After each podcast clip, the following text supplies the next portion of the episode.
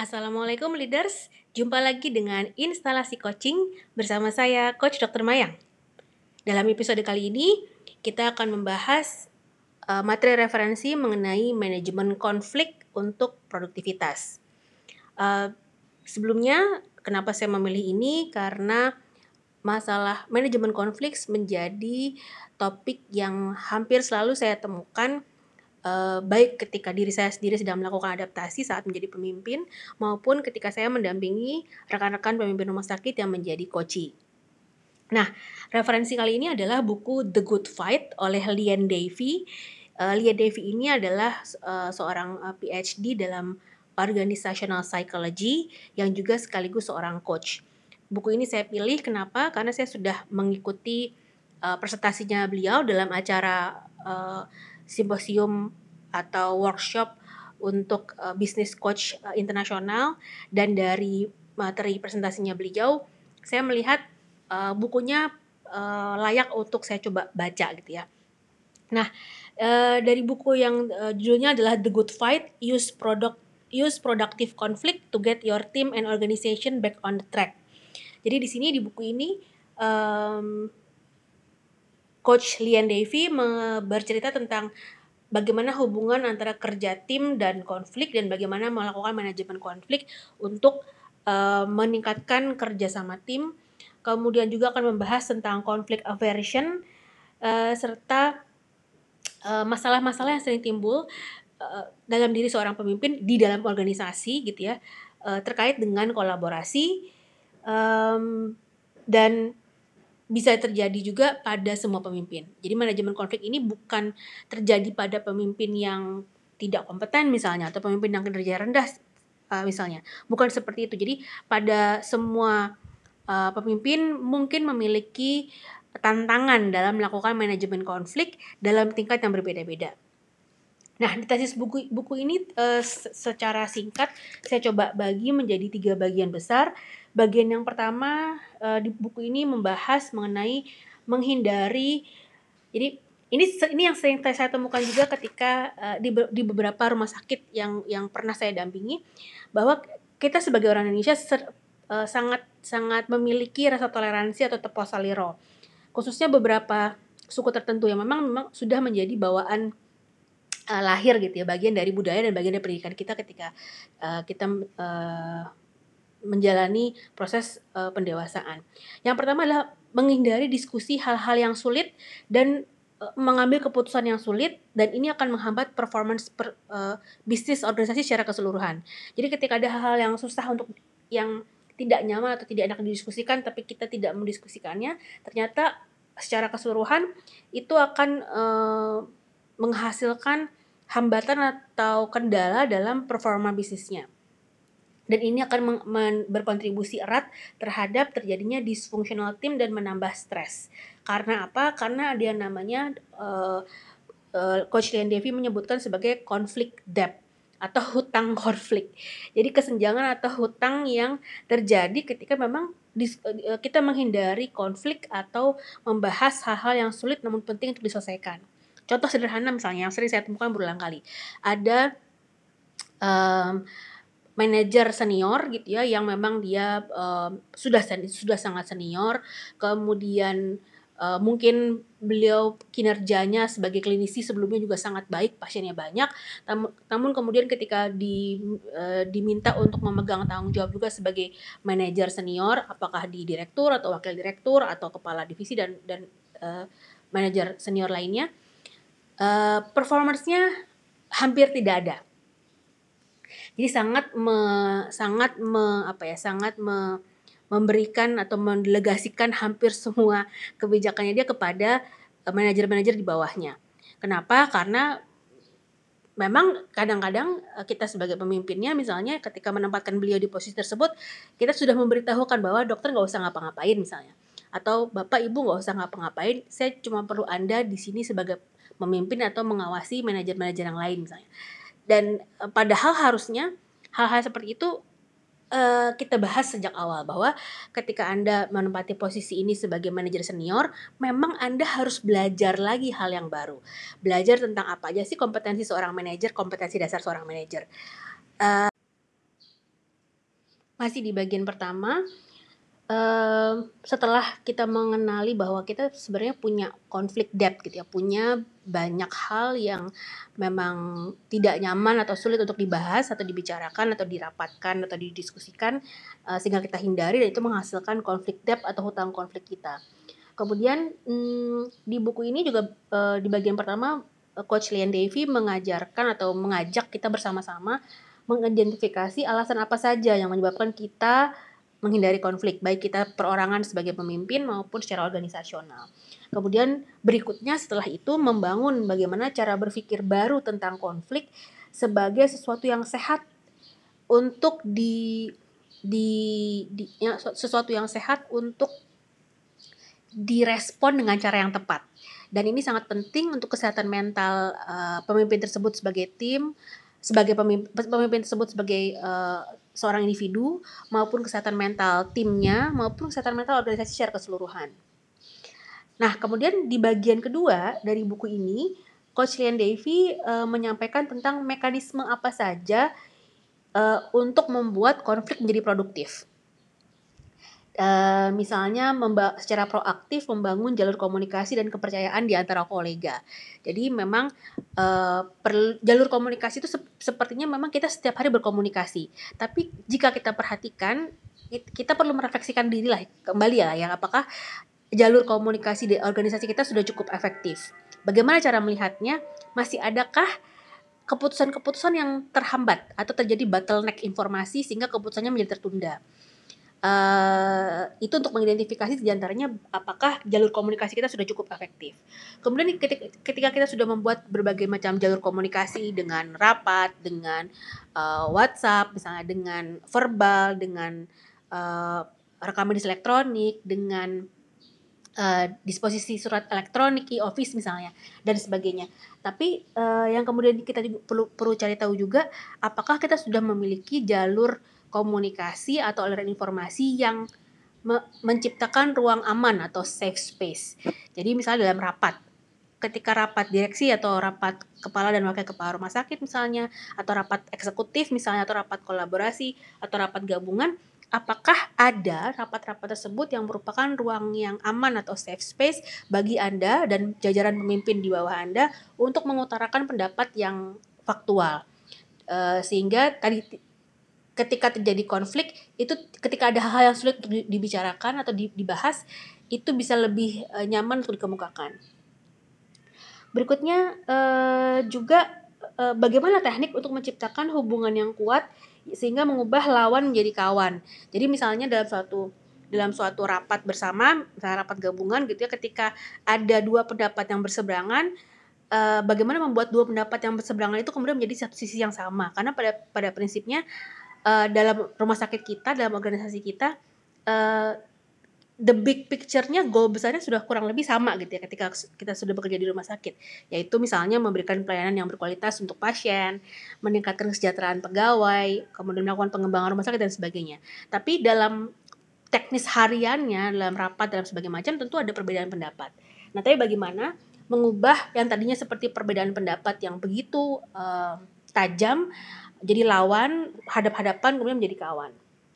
Dan bagaimana strategi untuk mengendalikan konflik yang tidak produktif. Uh, tidak tidak jarang kita akan menjadi peserta rapat di mana uh, di dalam peserta rapat tersebut uh, ketua atau pemimpin rapat tidak mampu mengendalikan anggota rapatnya.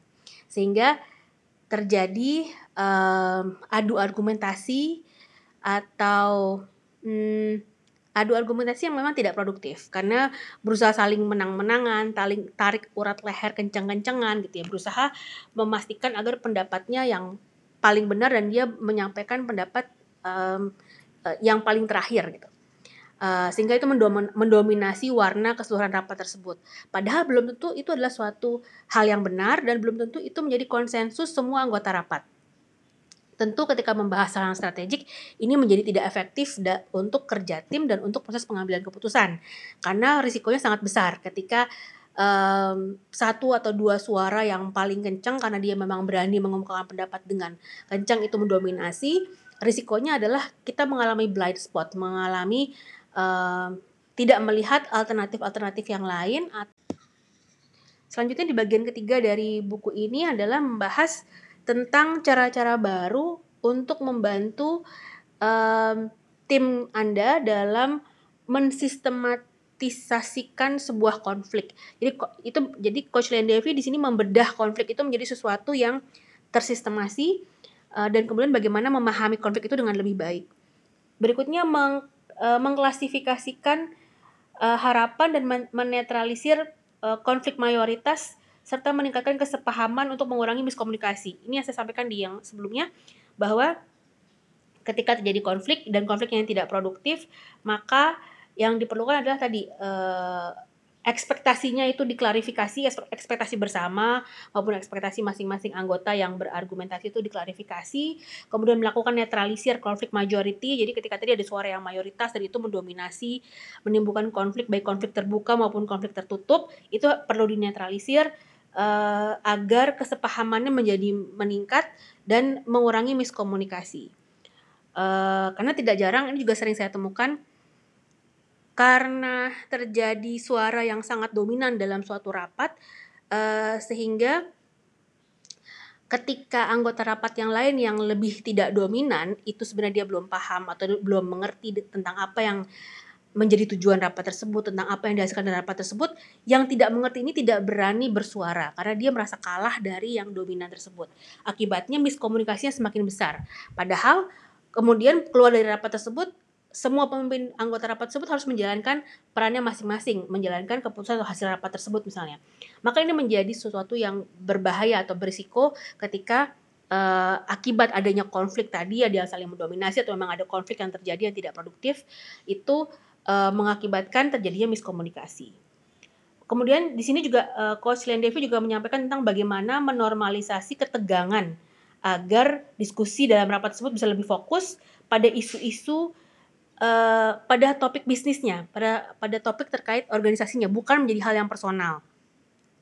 Bapak dan Ibu pasti sudah pernah ya menghadiri suatu rapat di mana uh, konflik yang terjadi yang tadinya membahas tentang suatu topik bersama, topik organisasi, topik uh, mutu, topik yang sejenisnya, tapi kemudian ketika jadi argumentasi itu menjadi saling menyerang secara personal.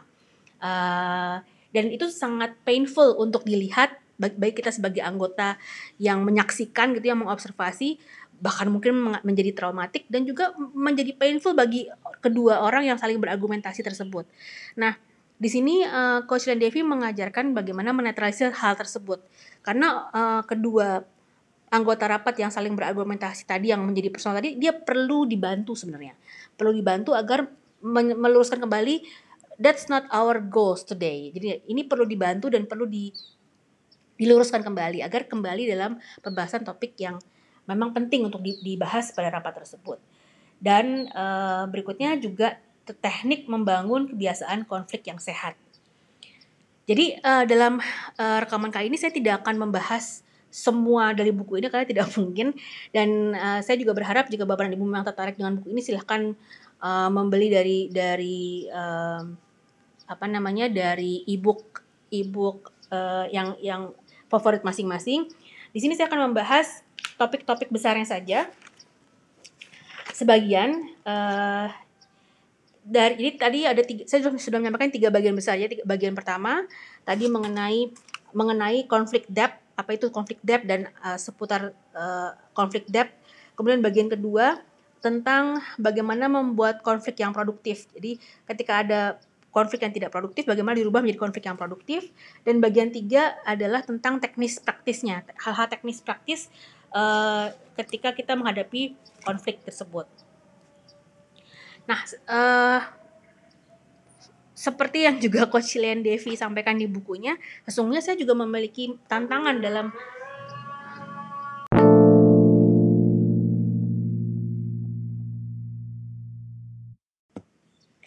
Baik leaders, gimana? Masih stay tune? Apakah sudah di posisi nyaman, tempat duduknya nyaman, atau mungkin Anda mendengarkan dengan menggunakan headset yang juga nyaman gitu ya?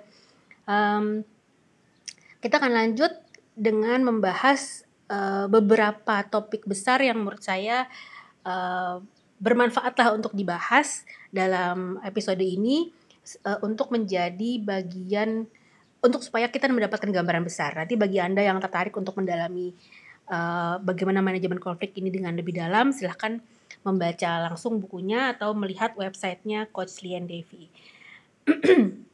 yang pertama, topik yang paling penting tadi dari bagian pertama ini yang akan saya bahas adalah tentang uh, konflik depth.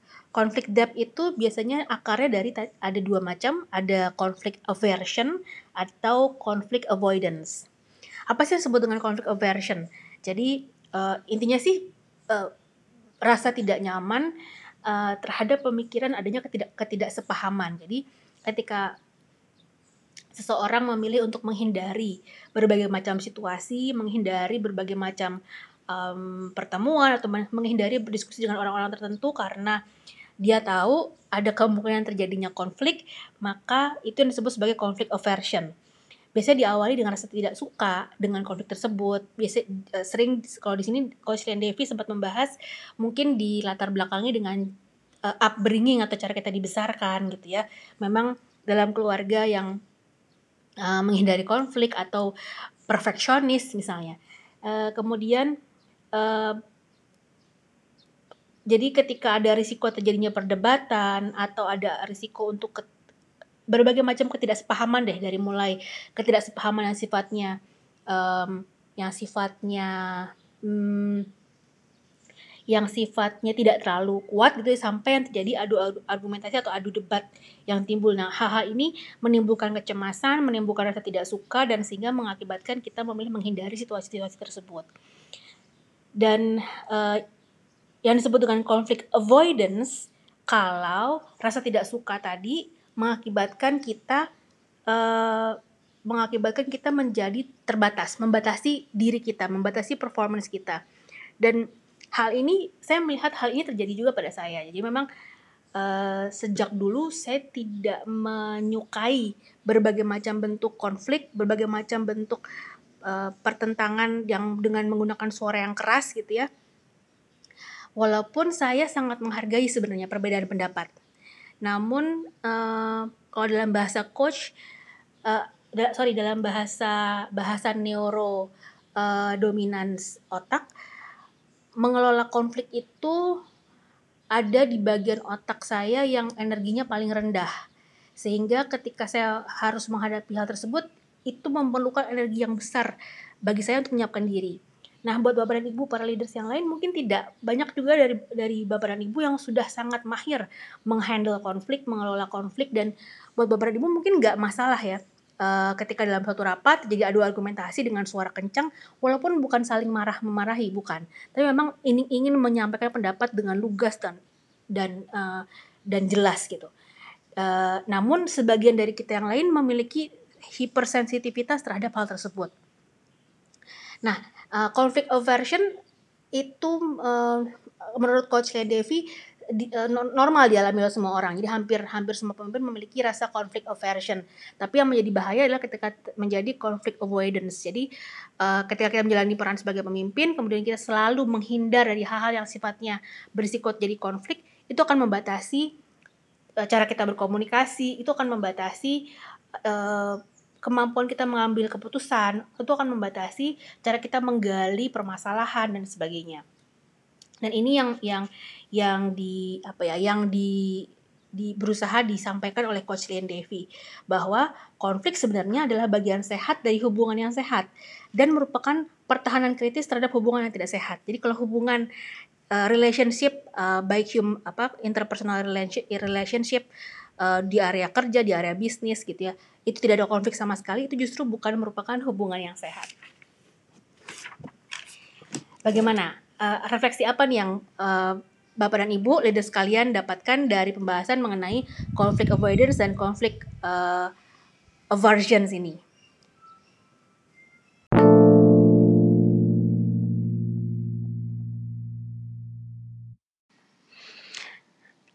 Baik, Berikutnya, setelah kita mengenal apa itu konflik depth, apa itu konflik aversion, apa itu konflik avoidance, saya langsung lompat ke strategi konflik yang ditawarkan oleh Coach Lian Devi.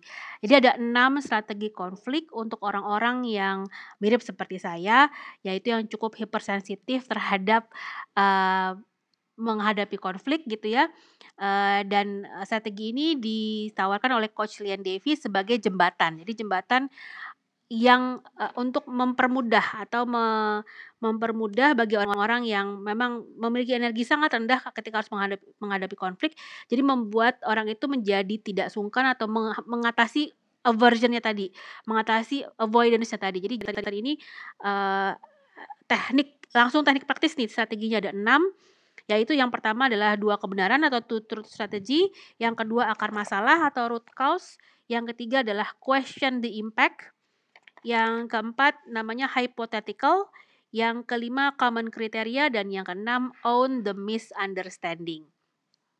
Dalam buku tersebut, eh, enam strategi ini disampaikan secara naratif oleh Coach Lian Devi langsung dengan eh, berbagai macam contoh masalahnya gitu, contoh situasinya. Nah, karena kita dalam uh, saya menyampaikan dalam bentuk audio seperti ini untuk mempermudah saya dan mudah-mudahan mempermudah pemahaman Bapak dan Ibu para leader sekalian juga. Di sini saya uh, saya sampaikan dalam bentuk langkah-langkah. Jadi nanti saya akan sampaikan langkah pertama, langkah kedua, langkah ketiga dan seterusnya untuk setiap strategi tadi. Karena ini adalah merupakan salah betul-betul langsung teknik praktis yang uh, disarankan atau direkomendasikan Coach Lian Devi untuk dilakukan atau untuk diimplementasikan dalam situasi di mana konflik tersebut dapat terjadi. Baik, Uh, berikutnya kita akan segera mulai untuk uh, strategi konflik yang pertama. Dalam tutur strategi atau strategi dua kebenaran, uh, langkah pertamanya adalah memberikan validasi perspektif kolega dengan mengulang pernyataan. Yang kedua, tanyakan pertanyaan terbuka untuk lebih memahami alasan dari argumen atau perspektifnya. Nomor tiga, tuliskan di papan tulis atau misalnya kalau pakai Zoom berarti di whiteboard Zoom. Agar bisa dilihat oleh seluruh anggota rapat uh, pendapat atau pendapat atau perspektif kolega kita tadi. Jadi tuliskan pendapatnya mereka, pendapatnya orang tersebut yang menurut Anda uh, akan menimbulkan konflik dan Anda tulis itu dengan judul uh, dikasih judul kebenaran satu atau uh, the first truth misalnya. Kemudian uh, baru tuliskan di sampingnya di di bagian uh, papan tulis yang berikutnya adalah versi Anda, jadi pendapat Anda. Di situ ada kasih juga judul second truth atau kebenaran kedua. Kemudian Anda juga harus menjelaskan mengapa Anda memiliki perspektif yang uh, perspektif yang kedua tadi dan uh, mengapa Anda menyampaikan pendapat yang berbeda dari yang sebelumnya. Kemudian berikutnya adalah baru uh, kemudian minta semua anggota rahab merapat melihat kedua kebenaran tersebut yang sama-sama dianggap sebagai dua kebenaran. Jadi nggak ada yang salah, nggak ada yang benar, tapi bukan yang satu salah, yang satu benar, tapi dua-duanya dianggap sebagai kebenaran. Kemudian minta anggota rapat memecahkan masalah yang sedang dibahas dengan mengasumsikan dua kebenaran tersebut adalah hal yang bisa dikerjakan atau hal yang benar.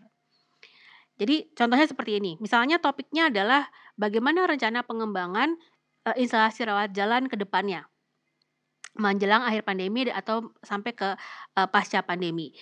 Di pendapat yang pertama, pendapat dari kolega kita yang pertama bila uh, menyampaikan bahwa oh harusnya kita menambah jumlah kamar klinik rawat jalan sekaligus menambah juga jumlah dokter yang praktek dengan menambah jumlah spesialisasi dan dan sebagainya.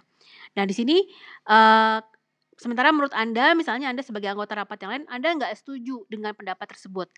Uh, namun karena bagi orang yang konflik avoidance, maka orang-orang tersebut Anda akan lebih cenderung untuk menghindari mm, menyampaikan secara terbuka pendapat Anda yang berseberangan dengan pendapat orang tersebut.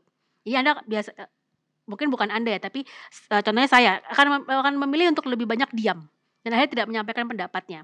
Padahal sebenarnya untuk kepentingan organisasi sangat penting sekali untuk anggota rapat sama-sama memikirkan bagaimana rencana pengembangan instalasi rawat jalan ke depannya nih di masa yang sedang berubah seperti sekarang ini.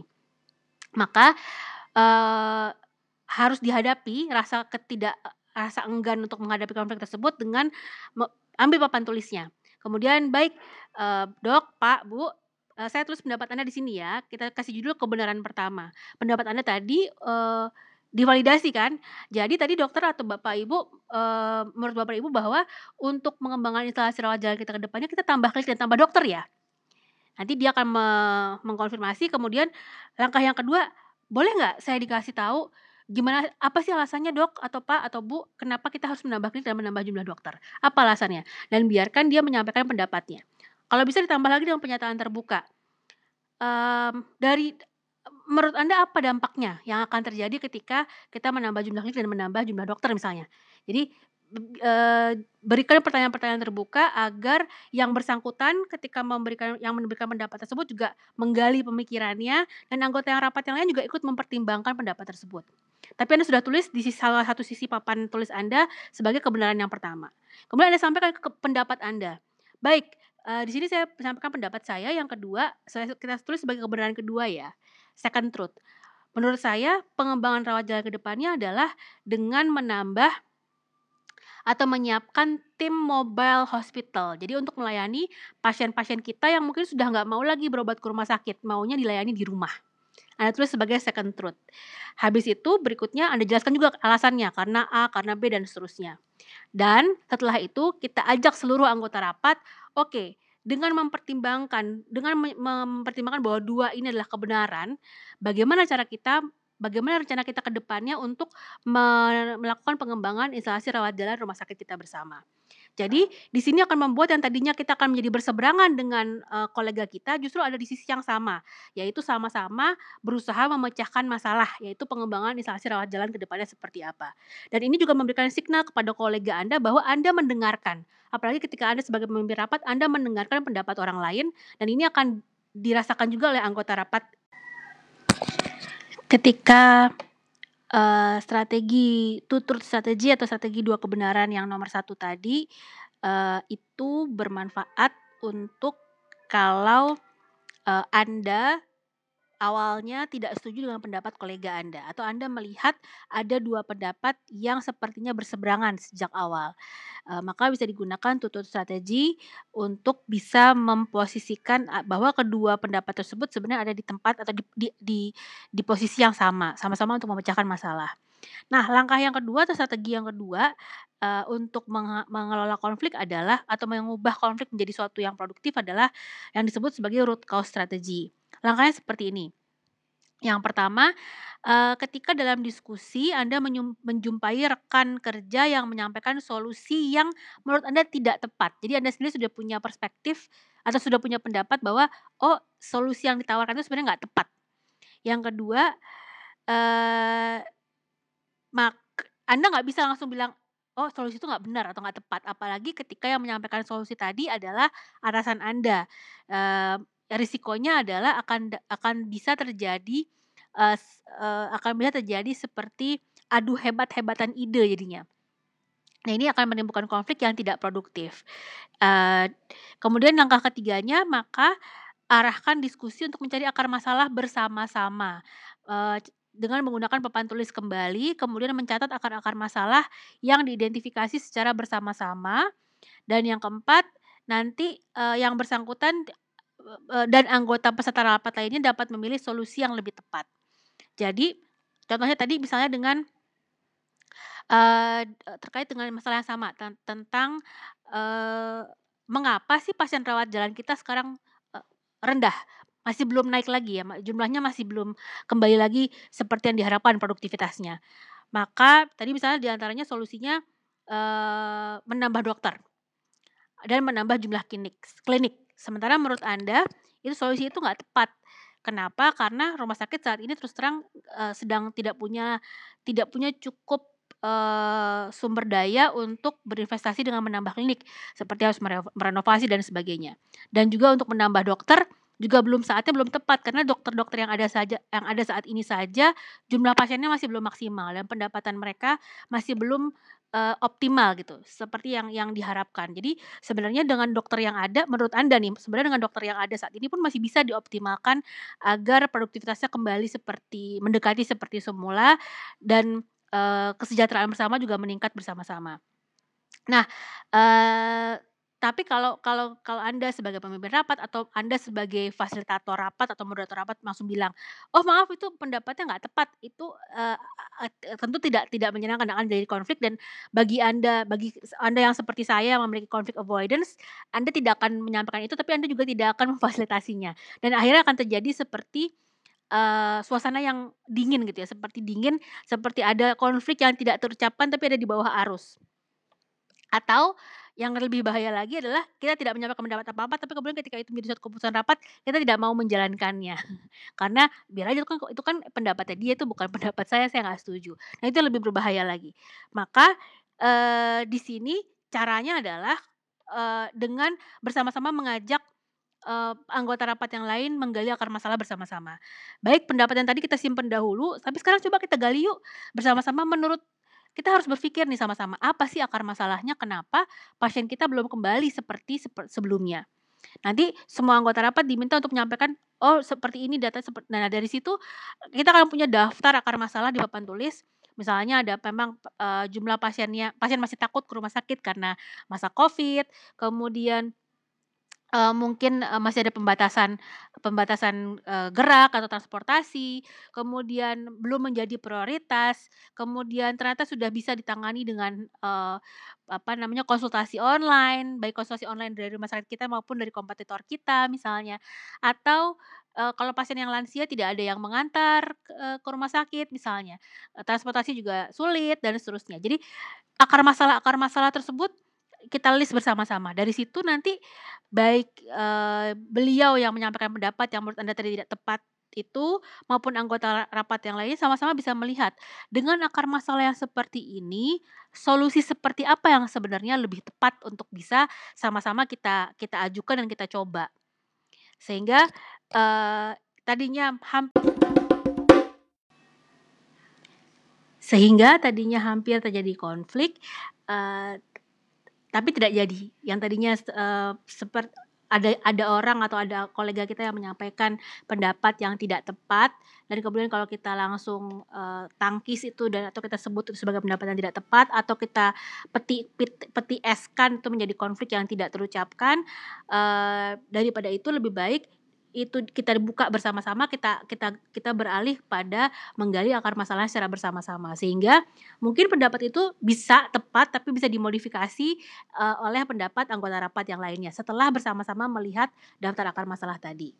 Nah, uh, strategi pertama dan kedua ini uh, truth to truth maaf two truth strategy dan uh, root cause strategy ini bisa di, bisa digunakan ketika pendapat rekan kerja yang menurut Anda tidak tepat atau yang menurut Anda memang uh, berbeda dengan Anda itu tapi masih nyambung dengan sumber masalahnya. Jadi masih masih kurang lebih masih relevan dengan konteks masalah yang dibahas dalam rapat atau dalam diskusi tersebut. Walau mungkin uh, tidak setuju. Um, dan um, untuk Anda bisa menjalankan peran sebagai konflik diffuser baik di tutur strategi maupun di akar masalah, Anda sendiri harus secara secara apa ya, secara jujur uh, mengakui bahwa ada ada porsi kebenarannya dari pendapat tersebut. Jadi artinya gini, nggak bisa bohong. Jadi karena kalau kalau kita berbohong, ini menurut menurut coach Lian ya, uh, menurut coach Lian, kalau kita berbohong pura-pura setuju itu akan kerasa. Jadi daripada pura-pura setuju atau pura-pura uh, mengiyakan tapi sebenarnya Anda nggak setuju dengan itu dan ini menjadi tadi ini ketika pura-pura setuju sebenarnya bagian dari konflik depth, konflik aversion atau konflik avoidance. Nah, itu akan menimbulkan konflik depth ternyata. Daripada pura-pura setuju, lebih baik kita jambreng jadi dua dengan tutur strategi atau kita ajak semua berpikir, kita mundur selangkah dulu, ajak semua orang berpikir tentang apa sebenarnya akar masalahnya. Uh, sedikit, uh, intermezzo tentang akar masalah, uh, karena saya juga, uh, apa ya, ber ber ber berkecimpung dalam implementasi dan manajemen di rumah sakit, salah satu poin penting dalam, uh, dalam proses improvement, continuous improvement dari perspektif lean management adalah mencari akar masalah dengan tepat. Jadi, uh, Kaizen, untuk bisa Kaizen itu berjalan dan sustain atau bertahan dan langgeng dan dampaknya dirasakan juga secara langgeng, continuous improvement juga terjadi langgeng, maka nomor satu yang harus diasah kembali adalah kemampuan kita sebagai pemimpin maupun kemampuan anggota tim kita untuk bisa mencari akar masalah dengan benar. Jadi kemampuan mencari akar masalah ini bukan hanya tentang konflik diffuser tapi memang harusnya menjadi salah satu basic skill dari seorang lean leaders. Pemimpin-pemimpin dalam organisasi yang mengimplementasikan lean management, mmm, dan seca secara secara umum juga dalam dalam perbaikan mutu, dalam quality improvement pun kemampuan mencari akar masalah dengan benar menjadi titik kritis yang terpenting untuk bisa berhasil, eee, dalam kegiatan mencari eee, proses kegiatan perbaikan berkelanjutan.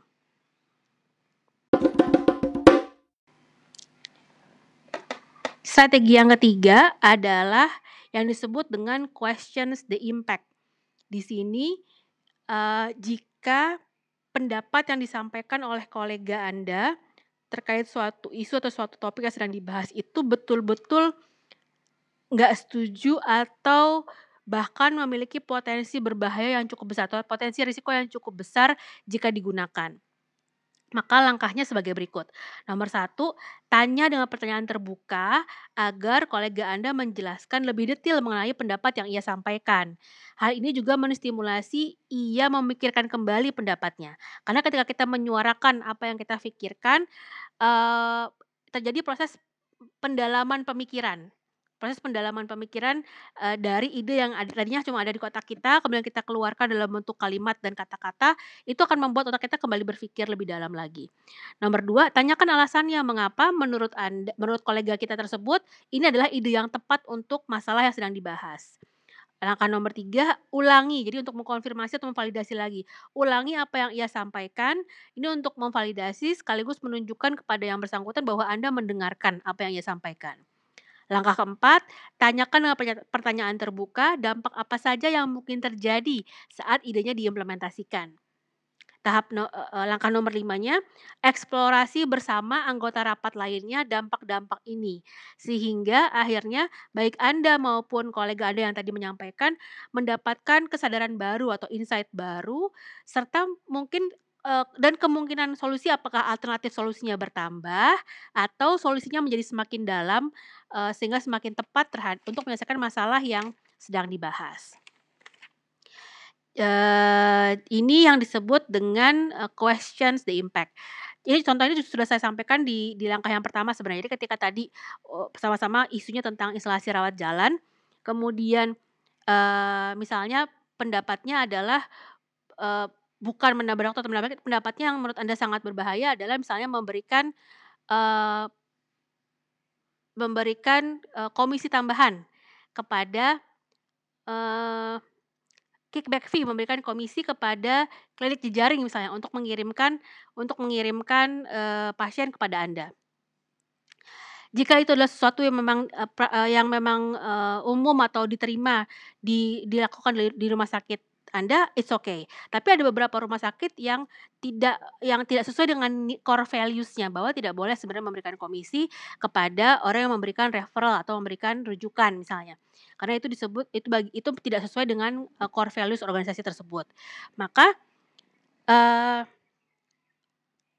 karena ini adalah sesuatu yang berbahaya yang yang ber tidak sesuai dengan core values-nya organisasi, maka daripada kita menyampaikan langsung, "Oh itu nggak sesuai, itu nggak ses nggak sesuai dengan core values kita, dari risiko kickback kickback fee dan sebagainya," mungkin bisa dilakukan yang tadi, Mengapa menurut Anda itu ber itu itu, signifikan terhadap masalah yang sedang kita hadapi sekarang?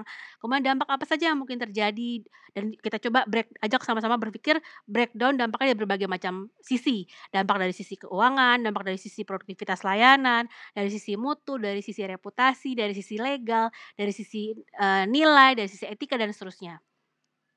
Kemudian uh, setelah kita urutkan, kita jambreng semua dampak-dampaknya di papan tulis kembali, ajak bersama anggota rapat lainnya mengeksplorasi dampak-dampak ini. Sehingga mungkin nanti, uh, alternatif solusi yang di yang diputuskan bersama adalah sebenarnya bentuknya bukan kickback fee, modelnya tetap rujukan, menguatkan jejaring rujukan, tapi bukan kickback fee misalnya. Tapi ada ada sistem lain, ada ada cara lain yang lebih sesuai dengan core values rumah sakit tersebut.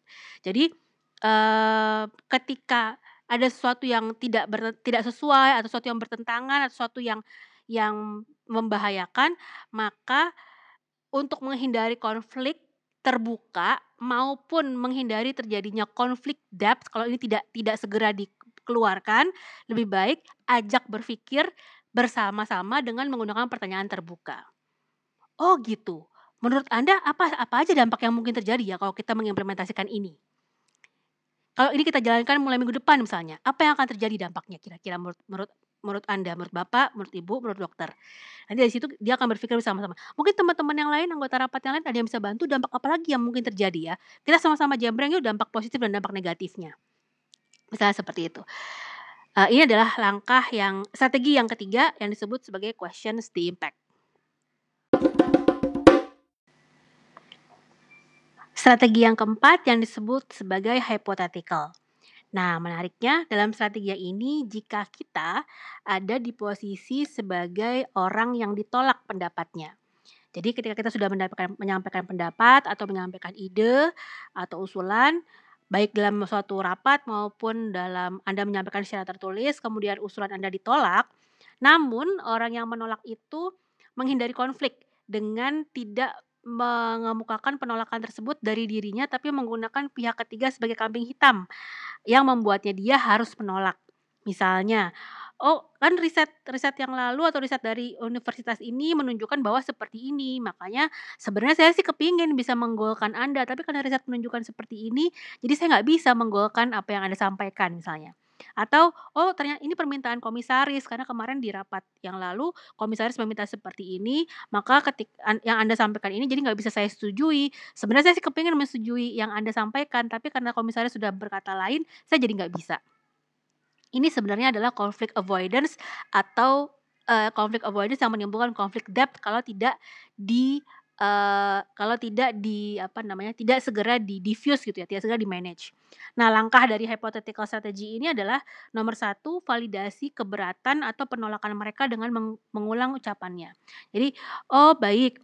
Jadi, uh, Bapak atau Ibu, uh, tidak setuju dengan yang saya sampaikan ini karena, uh, menurut Bapak Ibu, uh, komisaris berpendapat seperti ini ya, makanya tidak disetujui." Dan kemudian langkah keduanya buat jeda. Jadi setelah kita memberikan konfirmasi, kemudian kita berhenti berhenti berbicara. Buat jeda uh, itu untuk memberikan kesempatan pada yang bersangkutan untuk mencerna kembali apa yang tadi dia sampaikan, kemudian kita cerminkan kembali kepada dirinya. Yang ketiga, ajak uh, yang bersangkutan untuk berhenti sejenak lalu membayangkan apa yang akan terjadi ketika halangan tersebut dapat diatasi.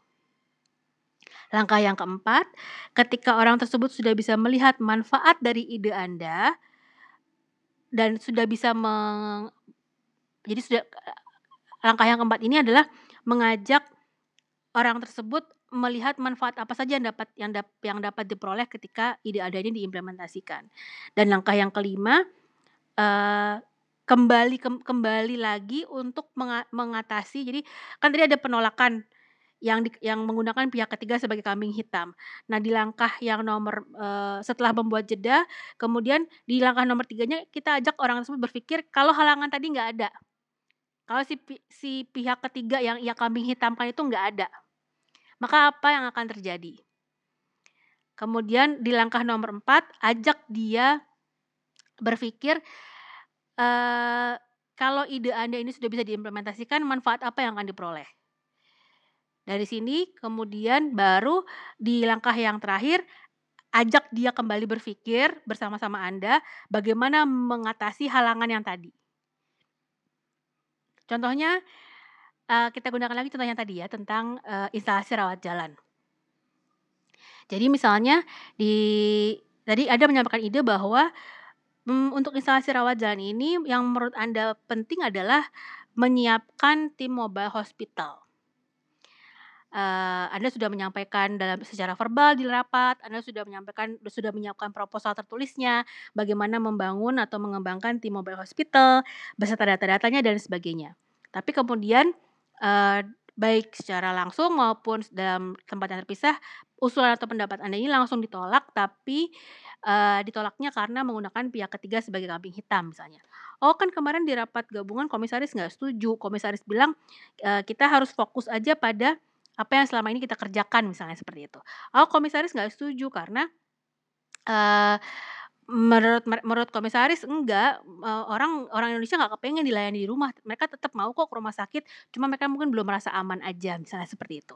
Atau atau kambing hitam lainnya yang digunakan oleh uh, kolega anda ini yang menolak pendapat anda. Maka uh, di langkah yang pertama tadi kita validasi dahulu.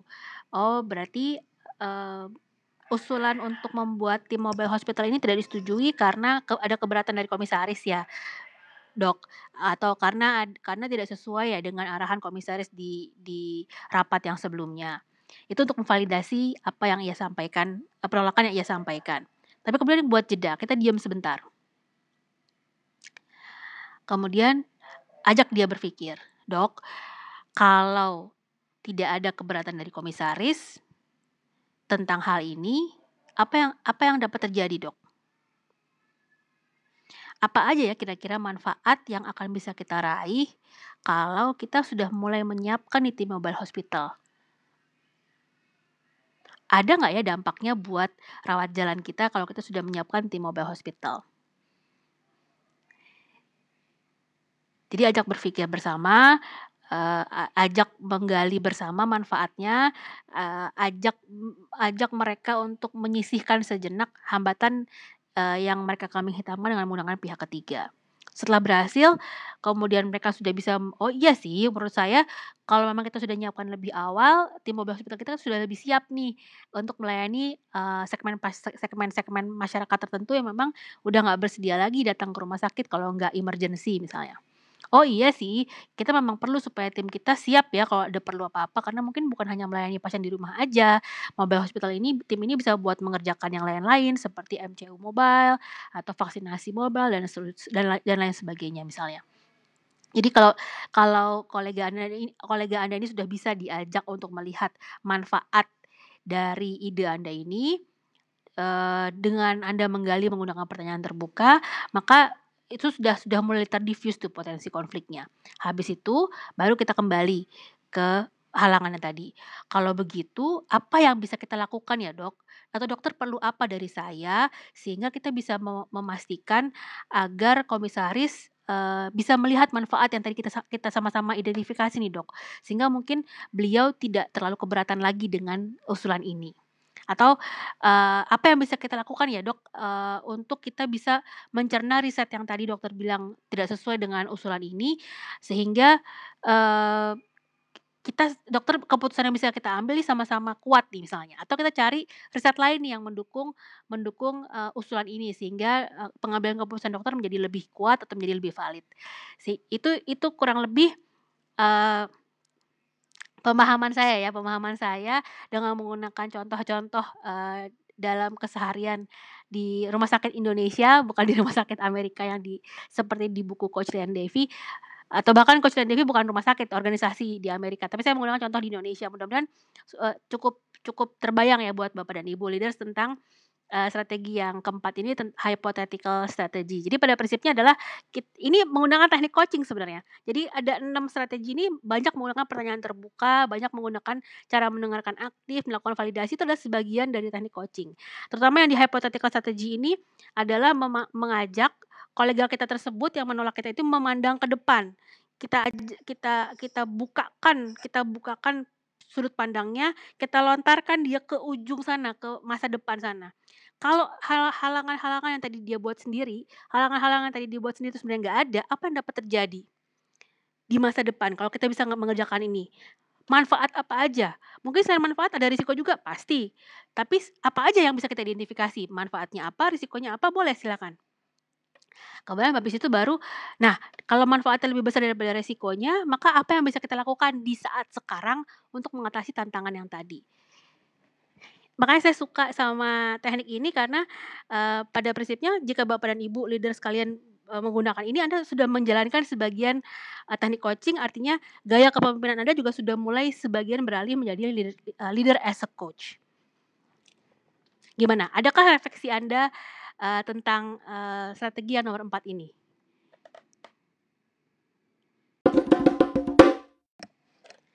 Strategi yang kelima adalah yang disebut sebagai common kriteria strategi. Di sini uh, bermanfaat jika anda pasti pernah nih ada di satu rapat seperti ini. Dalam dalam forum rapat tersebut, sebagian besar orang sepertinya akan menyetujui suatu keputusan bersama yang sifatnya kon, berisiko besar atau kontroversial. Contohnya, saya pernah, uh, menghadiri suatu rapat di di suatu organisasi bukan rumah sakit tapi yang menyetujui hampir menyetujui bahwa keputusan terbaik yang akan diambil adalah memotong gaji pegawainya. Uh, keputusan itu sangat kontroversial. Keputusan itu um, dampaknya besar sekali, dampak bagi hajat hidup para pegawainya sendiri, bagi perusahaannya sendiri, maupun bagi kelangsungan bisnis itu ke depan. Dan walaupun mungkin saat itu bisa menjadi keputusan yang walaupun pahit tapi harus diambil, tapi menurut saya sebaiknya menurut saya pertimbangannya kurang mendalam, kajiannya kurang mendalam. Artinya uh, manajemen-manajemen risiko dari berbagai macam sisinya belum dikerjakan. Maka uh, untuk untuk menghadapi situasi seperti ini daripada kita diam karena kalau santai kalau saya adalah kon, um, avoidance saya akan cenderung diam. Daripada seperti itu yang menghasilkan konflik depth akhirnya saya nggak setuju dengan itu kemudian saya mengalami mengalami apa konflik batin karena nggak setuju dengan core value saya. Tapi karena saya hadir di rapat itu nanti saya dianggap menyetujui. Lebih baik saya kemuka, kemukakan pendapat saya tapi dengan cara yang lebih strategik yaitu dengan menggunakan common kriteria seperti ini jadi, langkah pertamanya adalah validasi masalah yang sedang dibahas dan akan diselesaikan bersama. Jadi, instead of kita jadi kita ajak semuanya mundur dua langkah dulu. Oke oke oke, sebelum kita memutuskan ini boleh nggak kita saya saya tuliskan dulu ya di papan ini. Ini adalah masalah yang sedang kita hadapi bersama. Ini adalah kemudian uh, dituliskan di papan tulis supaya semua orang sama-sama melihat, sama-sama mencerna kembali uh, di otaknya masing-masing. Nomor dua, minta semua anggota rapat mengemukakan pendapatnya tentang masalah tersebut. Jadi fokus ke masalahnya dahulu. Di sini goalsnya adalah berusaha merumuskan masalah dengan tepat. Apa alasan isu tersebut menjadi masalah? Nomor dua, apa kekhawatirannya, uh, kekhawatiran dari masing-masing anggota rapat tentang isu tersebut dan mengapa isu tersebut menjadi masalah yang harus dipecahkan. Jadi fokus ke dalam masalah dengan menggunakan pertanyaan-pertanyaan untuk men, me, mensolidkan perumusan masalah menjadi sesuatu yang sama ada di kepalanya seluruh anggota rapat. Yang langkah ketiga, Uh, poin satu dan poin dua tadi dengan memvalidasi dituliskan dituliskan isu yang sedang dibahas kemudian mengapa itu menjadi masalah itu akan menghasilkan daftar kriteria daftar kriteria solusi sebenarnya nah dari situ kemudian gunakan ranking prioritas kriteria. Jadi dari daftar tadi kena, apa alasan kenapa apa alasan sebut menjadi masalah dan kenapa itu harus diselesaikan dan seterusnya dan seterusnya itu menjadi daftar uh, kriteria solusi kemudian dirankingkan bersama-sama. Kriteria solusi mana yang paling penting dan mana yang kurang penting. Kalau ada 20 maka di ranking 1 sampai 20 misalnya dan pokoknya di ranking berdasarkan prioritas tingkat kepentingannya. Langkah yang kelima, Baru setelah itu menggali solusi dari semua anggota rapat terkait dengan prioritas kriteria yang diambil. Misalnya oke kalau gitu kriteria solusinya harus memenuhi minimal 5 kriteria terpenting dulu deh, 1 sampai 5 dulu. Kalau gitu apa menurut menurut Anda apa nih solusi yang dapat memenuhi 5 kriteria tersebut untuk mengatasi isu tadi? Semua anggota rapat diminta menyampaikan pendapatnya masing-masing. Jadi, di sini akan memaksa dalam tanda kutip semua anggota rapat untuk berpikir lebih mendalam, mengkaji lebih mendalam tentang isu tersebut. Dan tuliskan kembali semua alternatif solusi dari semua anggota rapat di papan tulis kembali, bandingkan, pertimbangkan, kaji bersama, baru itu menjadi keputusan bersama. Sehingga dari sini tingkat penganalisaan atau tingkat pencer mencerna suatu isu tersebut, mencerna suatu masalah maupun alternatif solusi yang berisiko kontroversial ini disadari dengan level kesadaran yang kurang lebih setara dalam seluruh anggota rapat. Sehingga kalaupun memang keputusan pahit dan sulit tadi harus diambil, memang memotong gaji pegawai harus diambil, paling tidak semua anggota rapat sudah setara pemahamannya tentang manfaat maupun risikonya secara bersama-sama sehingga harapannya manajemen risikonya juga akan menjadi lebih baik, menjadi lebih komprehensif. Dari strategi yang kelima tadi, dari common kriteria strategi, jadi ada dua, memang ini akan memerlukan proses rapat yang yang panjang ya, tidak bisa dalam waktu singkat. Karena ini memang, uh, di di di digunakan menurut coach Lia Devi digunakan untuk, hmm, memperdalam pengkajian proses pengambilan keputusan yang sifatnya kontroversial, yang akan menimbulkan dampak besar terhadap organisasi. Jadi yang pertama tadi melis uh, melis kriteria solusi, kemudian melis solusinya, kemudian uh, membandingkan berbagai macam solusi dan mengambil keputusan bersama tentang solusi mana yang mau diambil, apakah satu solusi, tiga solusi, lima solusi dan seterusnya. Jika semua anggota rapat memiliki tadi saya ulang kembali memiliki pemahaman yang setara tentang masalah tersebut yang dikaji bersama-sama maupun alternatif solusinya maupun manfaat dan risiko dari alternatif solusi yang kontroversial tadi kalau memang akan di itu memang keputusan yang harus diambil. Uh, dan pada akhirnya dari dari hipotetika strategi ini akan menghasilkan dua macam keputusan. Keputusan pertama, hal terbaik apa yang bisa kita lakukan dalam kondisi yang sulit tadi misalnya. Hal terbaik apa yang bisa kita lakukan dan yang ke, uh, keputusan yang nomor dua, bagaimana implementasi keputusan tersebut dengan mempertimbangkan masalah atau isu lainnya. Jadi kalau tadi sudah sampai di alternatif solusi, misalnya ditemukan ada tujuh solusi yang akhirnya dirumuskan bersama-sama, dan ternyata dari tujuh tersebut yang prioritas ada dua, maka uh, pertanyaan berikutnya untuk bisa memilih mana solusi dan apa yang akan diimplementasikan adalah hal terbaik apa yang bisa kita lakukan, yang bisa kita uh, putuskan dalam kondisi sulit seperti ini. Setelah itu, kalau itu nanti kita ambil, ketika solusi itu sudah kita ambil, kemudian kita implementasikan, misalnya tadi pemutusan uh, terpaksa harus memangkas gaji pegawai. Itu adalah keputusan sulit yang harus diambil. Maka apa kaitan ketika itu diimplementasikan, apa kaitannya terhadap masalah atau isu-isu lainnya? Misalnya uh, ada isu isu strategik apa lagi yang terjadi di yang ada saat ini seputar area kepegawaian misalnya. Ketidakpuasan, uh, pegawai, kelelahan pegawai, angka kesakitan pegawai misalnya. Bagaimana kaitan antara itu dengan dengan isu yang lainnya yang yang relevan. Sehingga, uh, uh, untuk hal yang kontroversial seperti ini apa, mmm, dipaksa untuk mengkaji lebih dalam dan semua anggota rapat yang hadir di situ atau semua orang yang orang-orang kunci yang terlibat dalam pengambilan keputusan tersebut harus memiliki pengkajian atau pemahaman atau analisa mendalam yang kurang lebih setara. Jadi jangan sampai ada orang yang menandatangani keputusan rapat yang sifatnya sangat strategik dan sangat kontroversial tanpa ia betul-betul memahami apa yang ia tanda tangani. Jadi karena itu akan menghasilkan konflik-konflik tambahan ke depannya, konflik depth, konflik depth ke depannya dan itu yang akan menghambat kinerja organisasi ke depannya. Untuk strategi yang keenam, e, namanya own the misunderstanding. Jadi di sini kalau sekarang Anda lagi kita nih, kita dalam posisi yang benar-benar nggak paham sama sekali apa yang sedang disampaikan oleh kolega kita kita nggak paham masalahnya, kita nggak paham alternatif solusi yang dia tawarkan, kita betul-betul nggak paham. Maka uh, apalagi kalau nah yang jadi yang bisa menjadi konflik adalah kalau yang disampaikan ini adalah orang yang jabatannya jauh lebih tinggi dari Anda misalnya. Uh, dan Anda mungkin merasa segan atau sungkan untuk bertanya atau atau meminta penjelasan lebih lebih lebih dalam atau lebih jelas lagi dari beliau.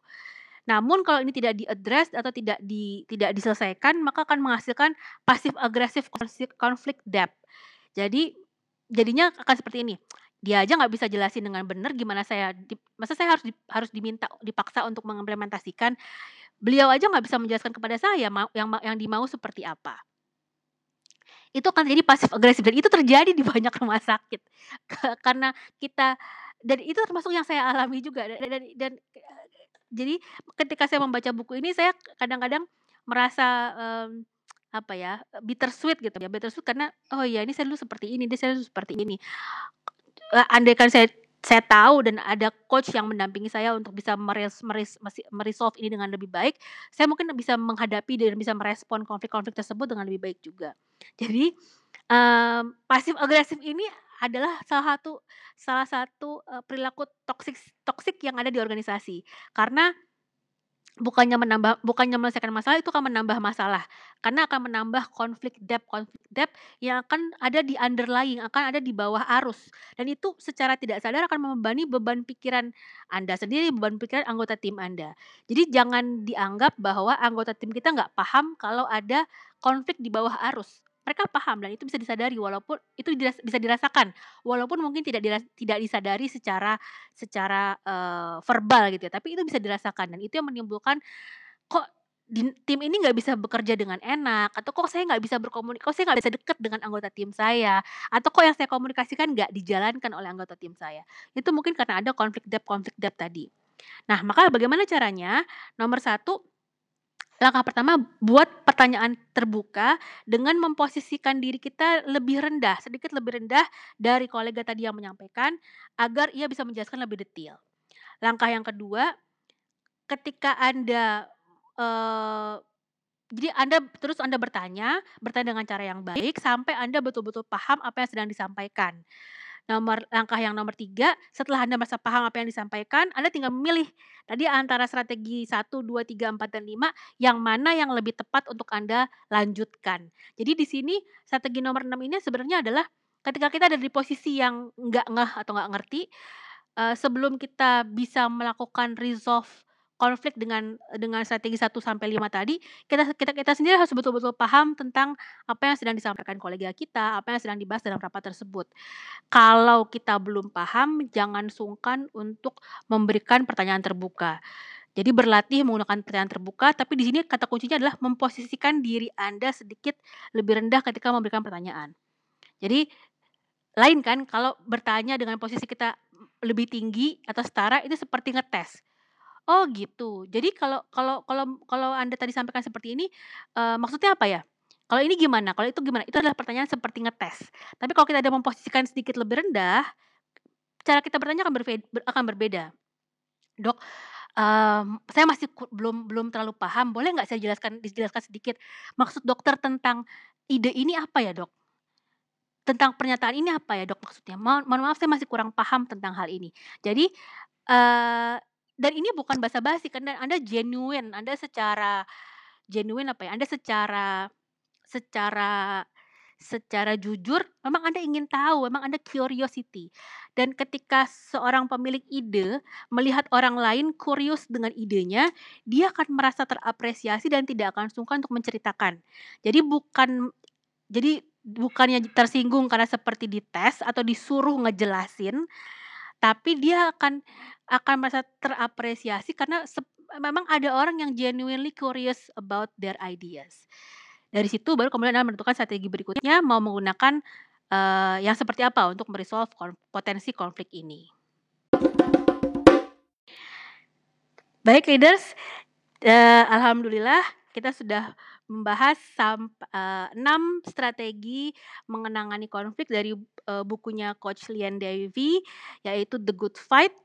Um, mudah-mudahan ini bermanfaat buat Bapak dan Ibu leaders yang tertarik untuk uh, mengetahui lebih dalam silahkan berkunjung ke websitenya Coach Lian Devi, liandevi.com uh, atau membeli bukunya di e-book favorit Anda masing-masing dan di situ ad, jadi ada banyak chapter yang belum sempat saya sampaikan, ada banyak bab yang belum sempat belum sempat saya sampaikan di episode ini yang um, membahas lebih dalam tentang uh, underlying disease dari bukan underlying disease, jadi dengan uh, mengenai um, pemahaman lebih dalam tentang masalah konflik ini, kemudian tambahan berbagai macam teknik yang lebih yang lebih mendalam lagi, kemudian bagaimana perspektif pemimpin dan bahkan ada bonus untuk resolving konflik di area personal kita. Uh, bagaimana menurut Anda episode kali ini leaders? Jika ada yang ingin disampaikan, silakan dapat dihubungi di LinkedIn uh, Astari Mayang, uh, tinggal di search aja Astari Mayang. Uh, monggo saya sangat senang kalau bisa berjejaring dengan Bapak dan Ibu para leaders atau jika ada yang uh, berkenan untuk ke Telegram di Telegram saya at coach underscore dr mayang. Jadi at coach underscore dr mayang itu adalah uh, telegram saya. Silakan langsung dijapri untuk uh, jika bapak dan ibu tertarik untuk berdiskusi lebih jauh tentang hal ini. Uh, mudah-mudahan bermanfaat. Saya senang sekali, uh, dalam, uh, ya sudah bisa menyelesaikan podcast episode pertama ini. Mohon maaf masih banyak kurangnya, saya sendiri juga masih belajar dan yang saya sampaikan ini adalah bagian dari pembelajaran saya. Saya betul-betul belajar di sini. Jadi saya berbagi pembelajaran saya, bukan saya memberitahukan kepada Bapak dan Ibu apa yang sudah saya ketahui lebih dahulu bukan, tapi ini adalah pembelajaran karena saya adalah partner belajar Anda. Saya bukan guru Anda, saya bukan mentor Anda, tapi saya adalah partner belajar Anda. Dan salah satu topik pembelajaran yang banyak diper, diminta oleh uh, para koci uh, maupun kolega yang sudah pernah saya ajak diskusi adalah tentang manajemen konflik. Um, sebagai penutup, saya ada ada ada sedikit pantun mohon mohon di mohon bisa di mohon bisa diterima karena ini saya lagi coba juga apakah ini bagus atau enggak. Masa depan semakin tidak pasti, dunia kini berubah sejak pandemi. Perlu teliti dalam berinvestasi, yang tepat adalah mendukung pemimpin untuk bisa berpikir mandiri agar uh, rumah sakit bisa seirama dan sinergi untuk keberhasilan saat ini dan nanti. Wallahu alam bisawab.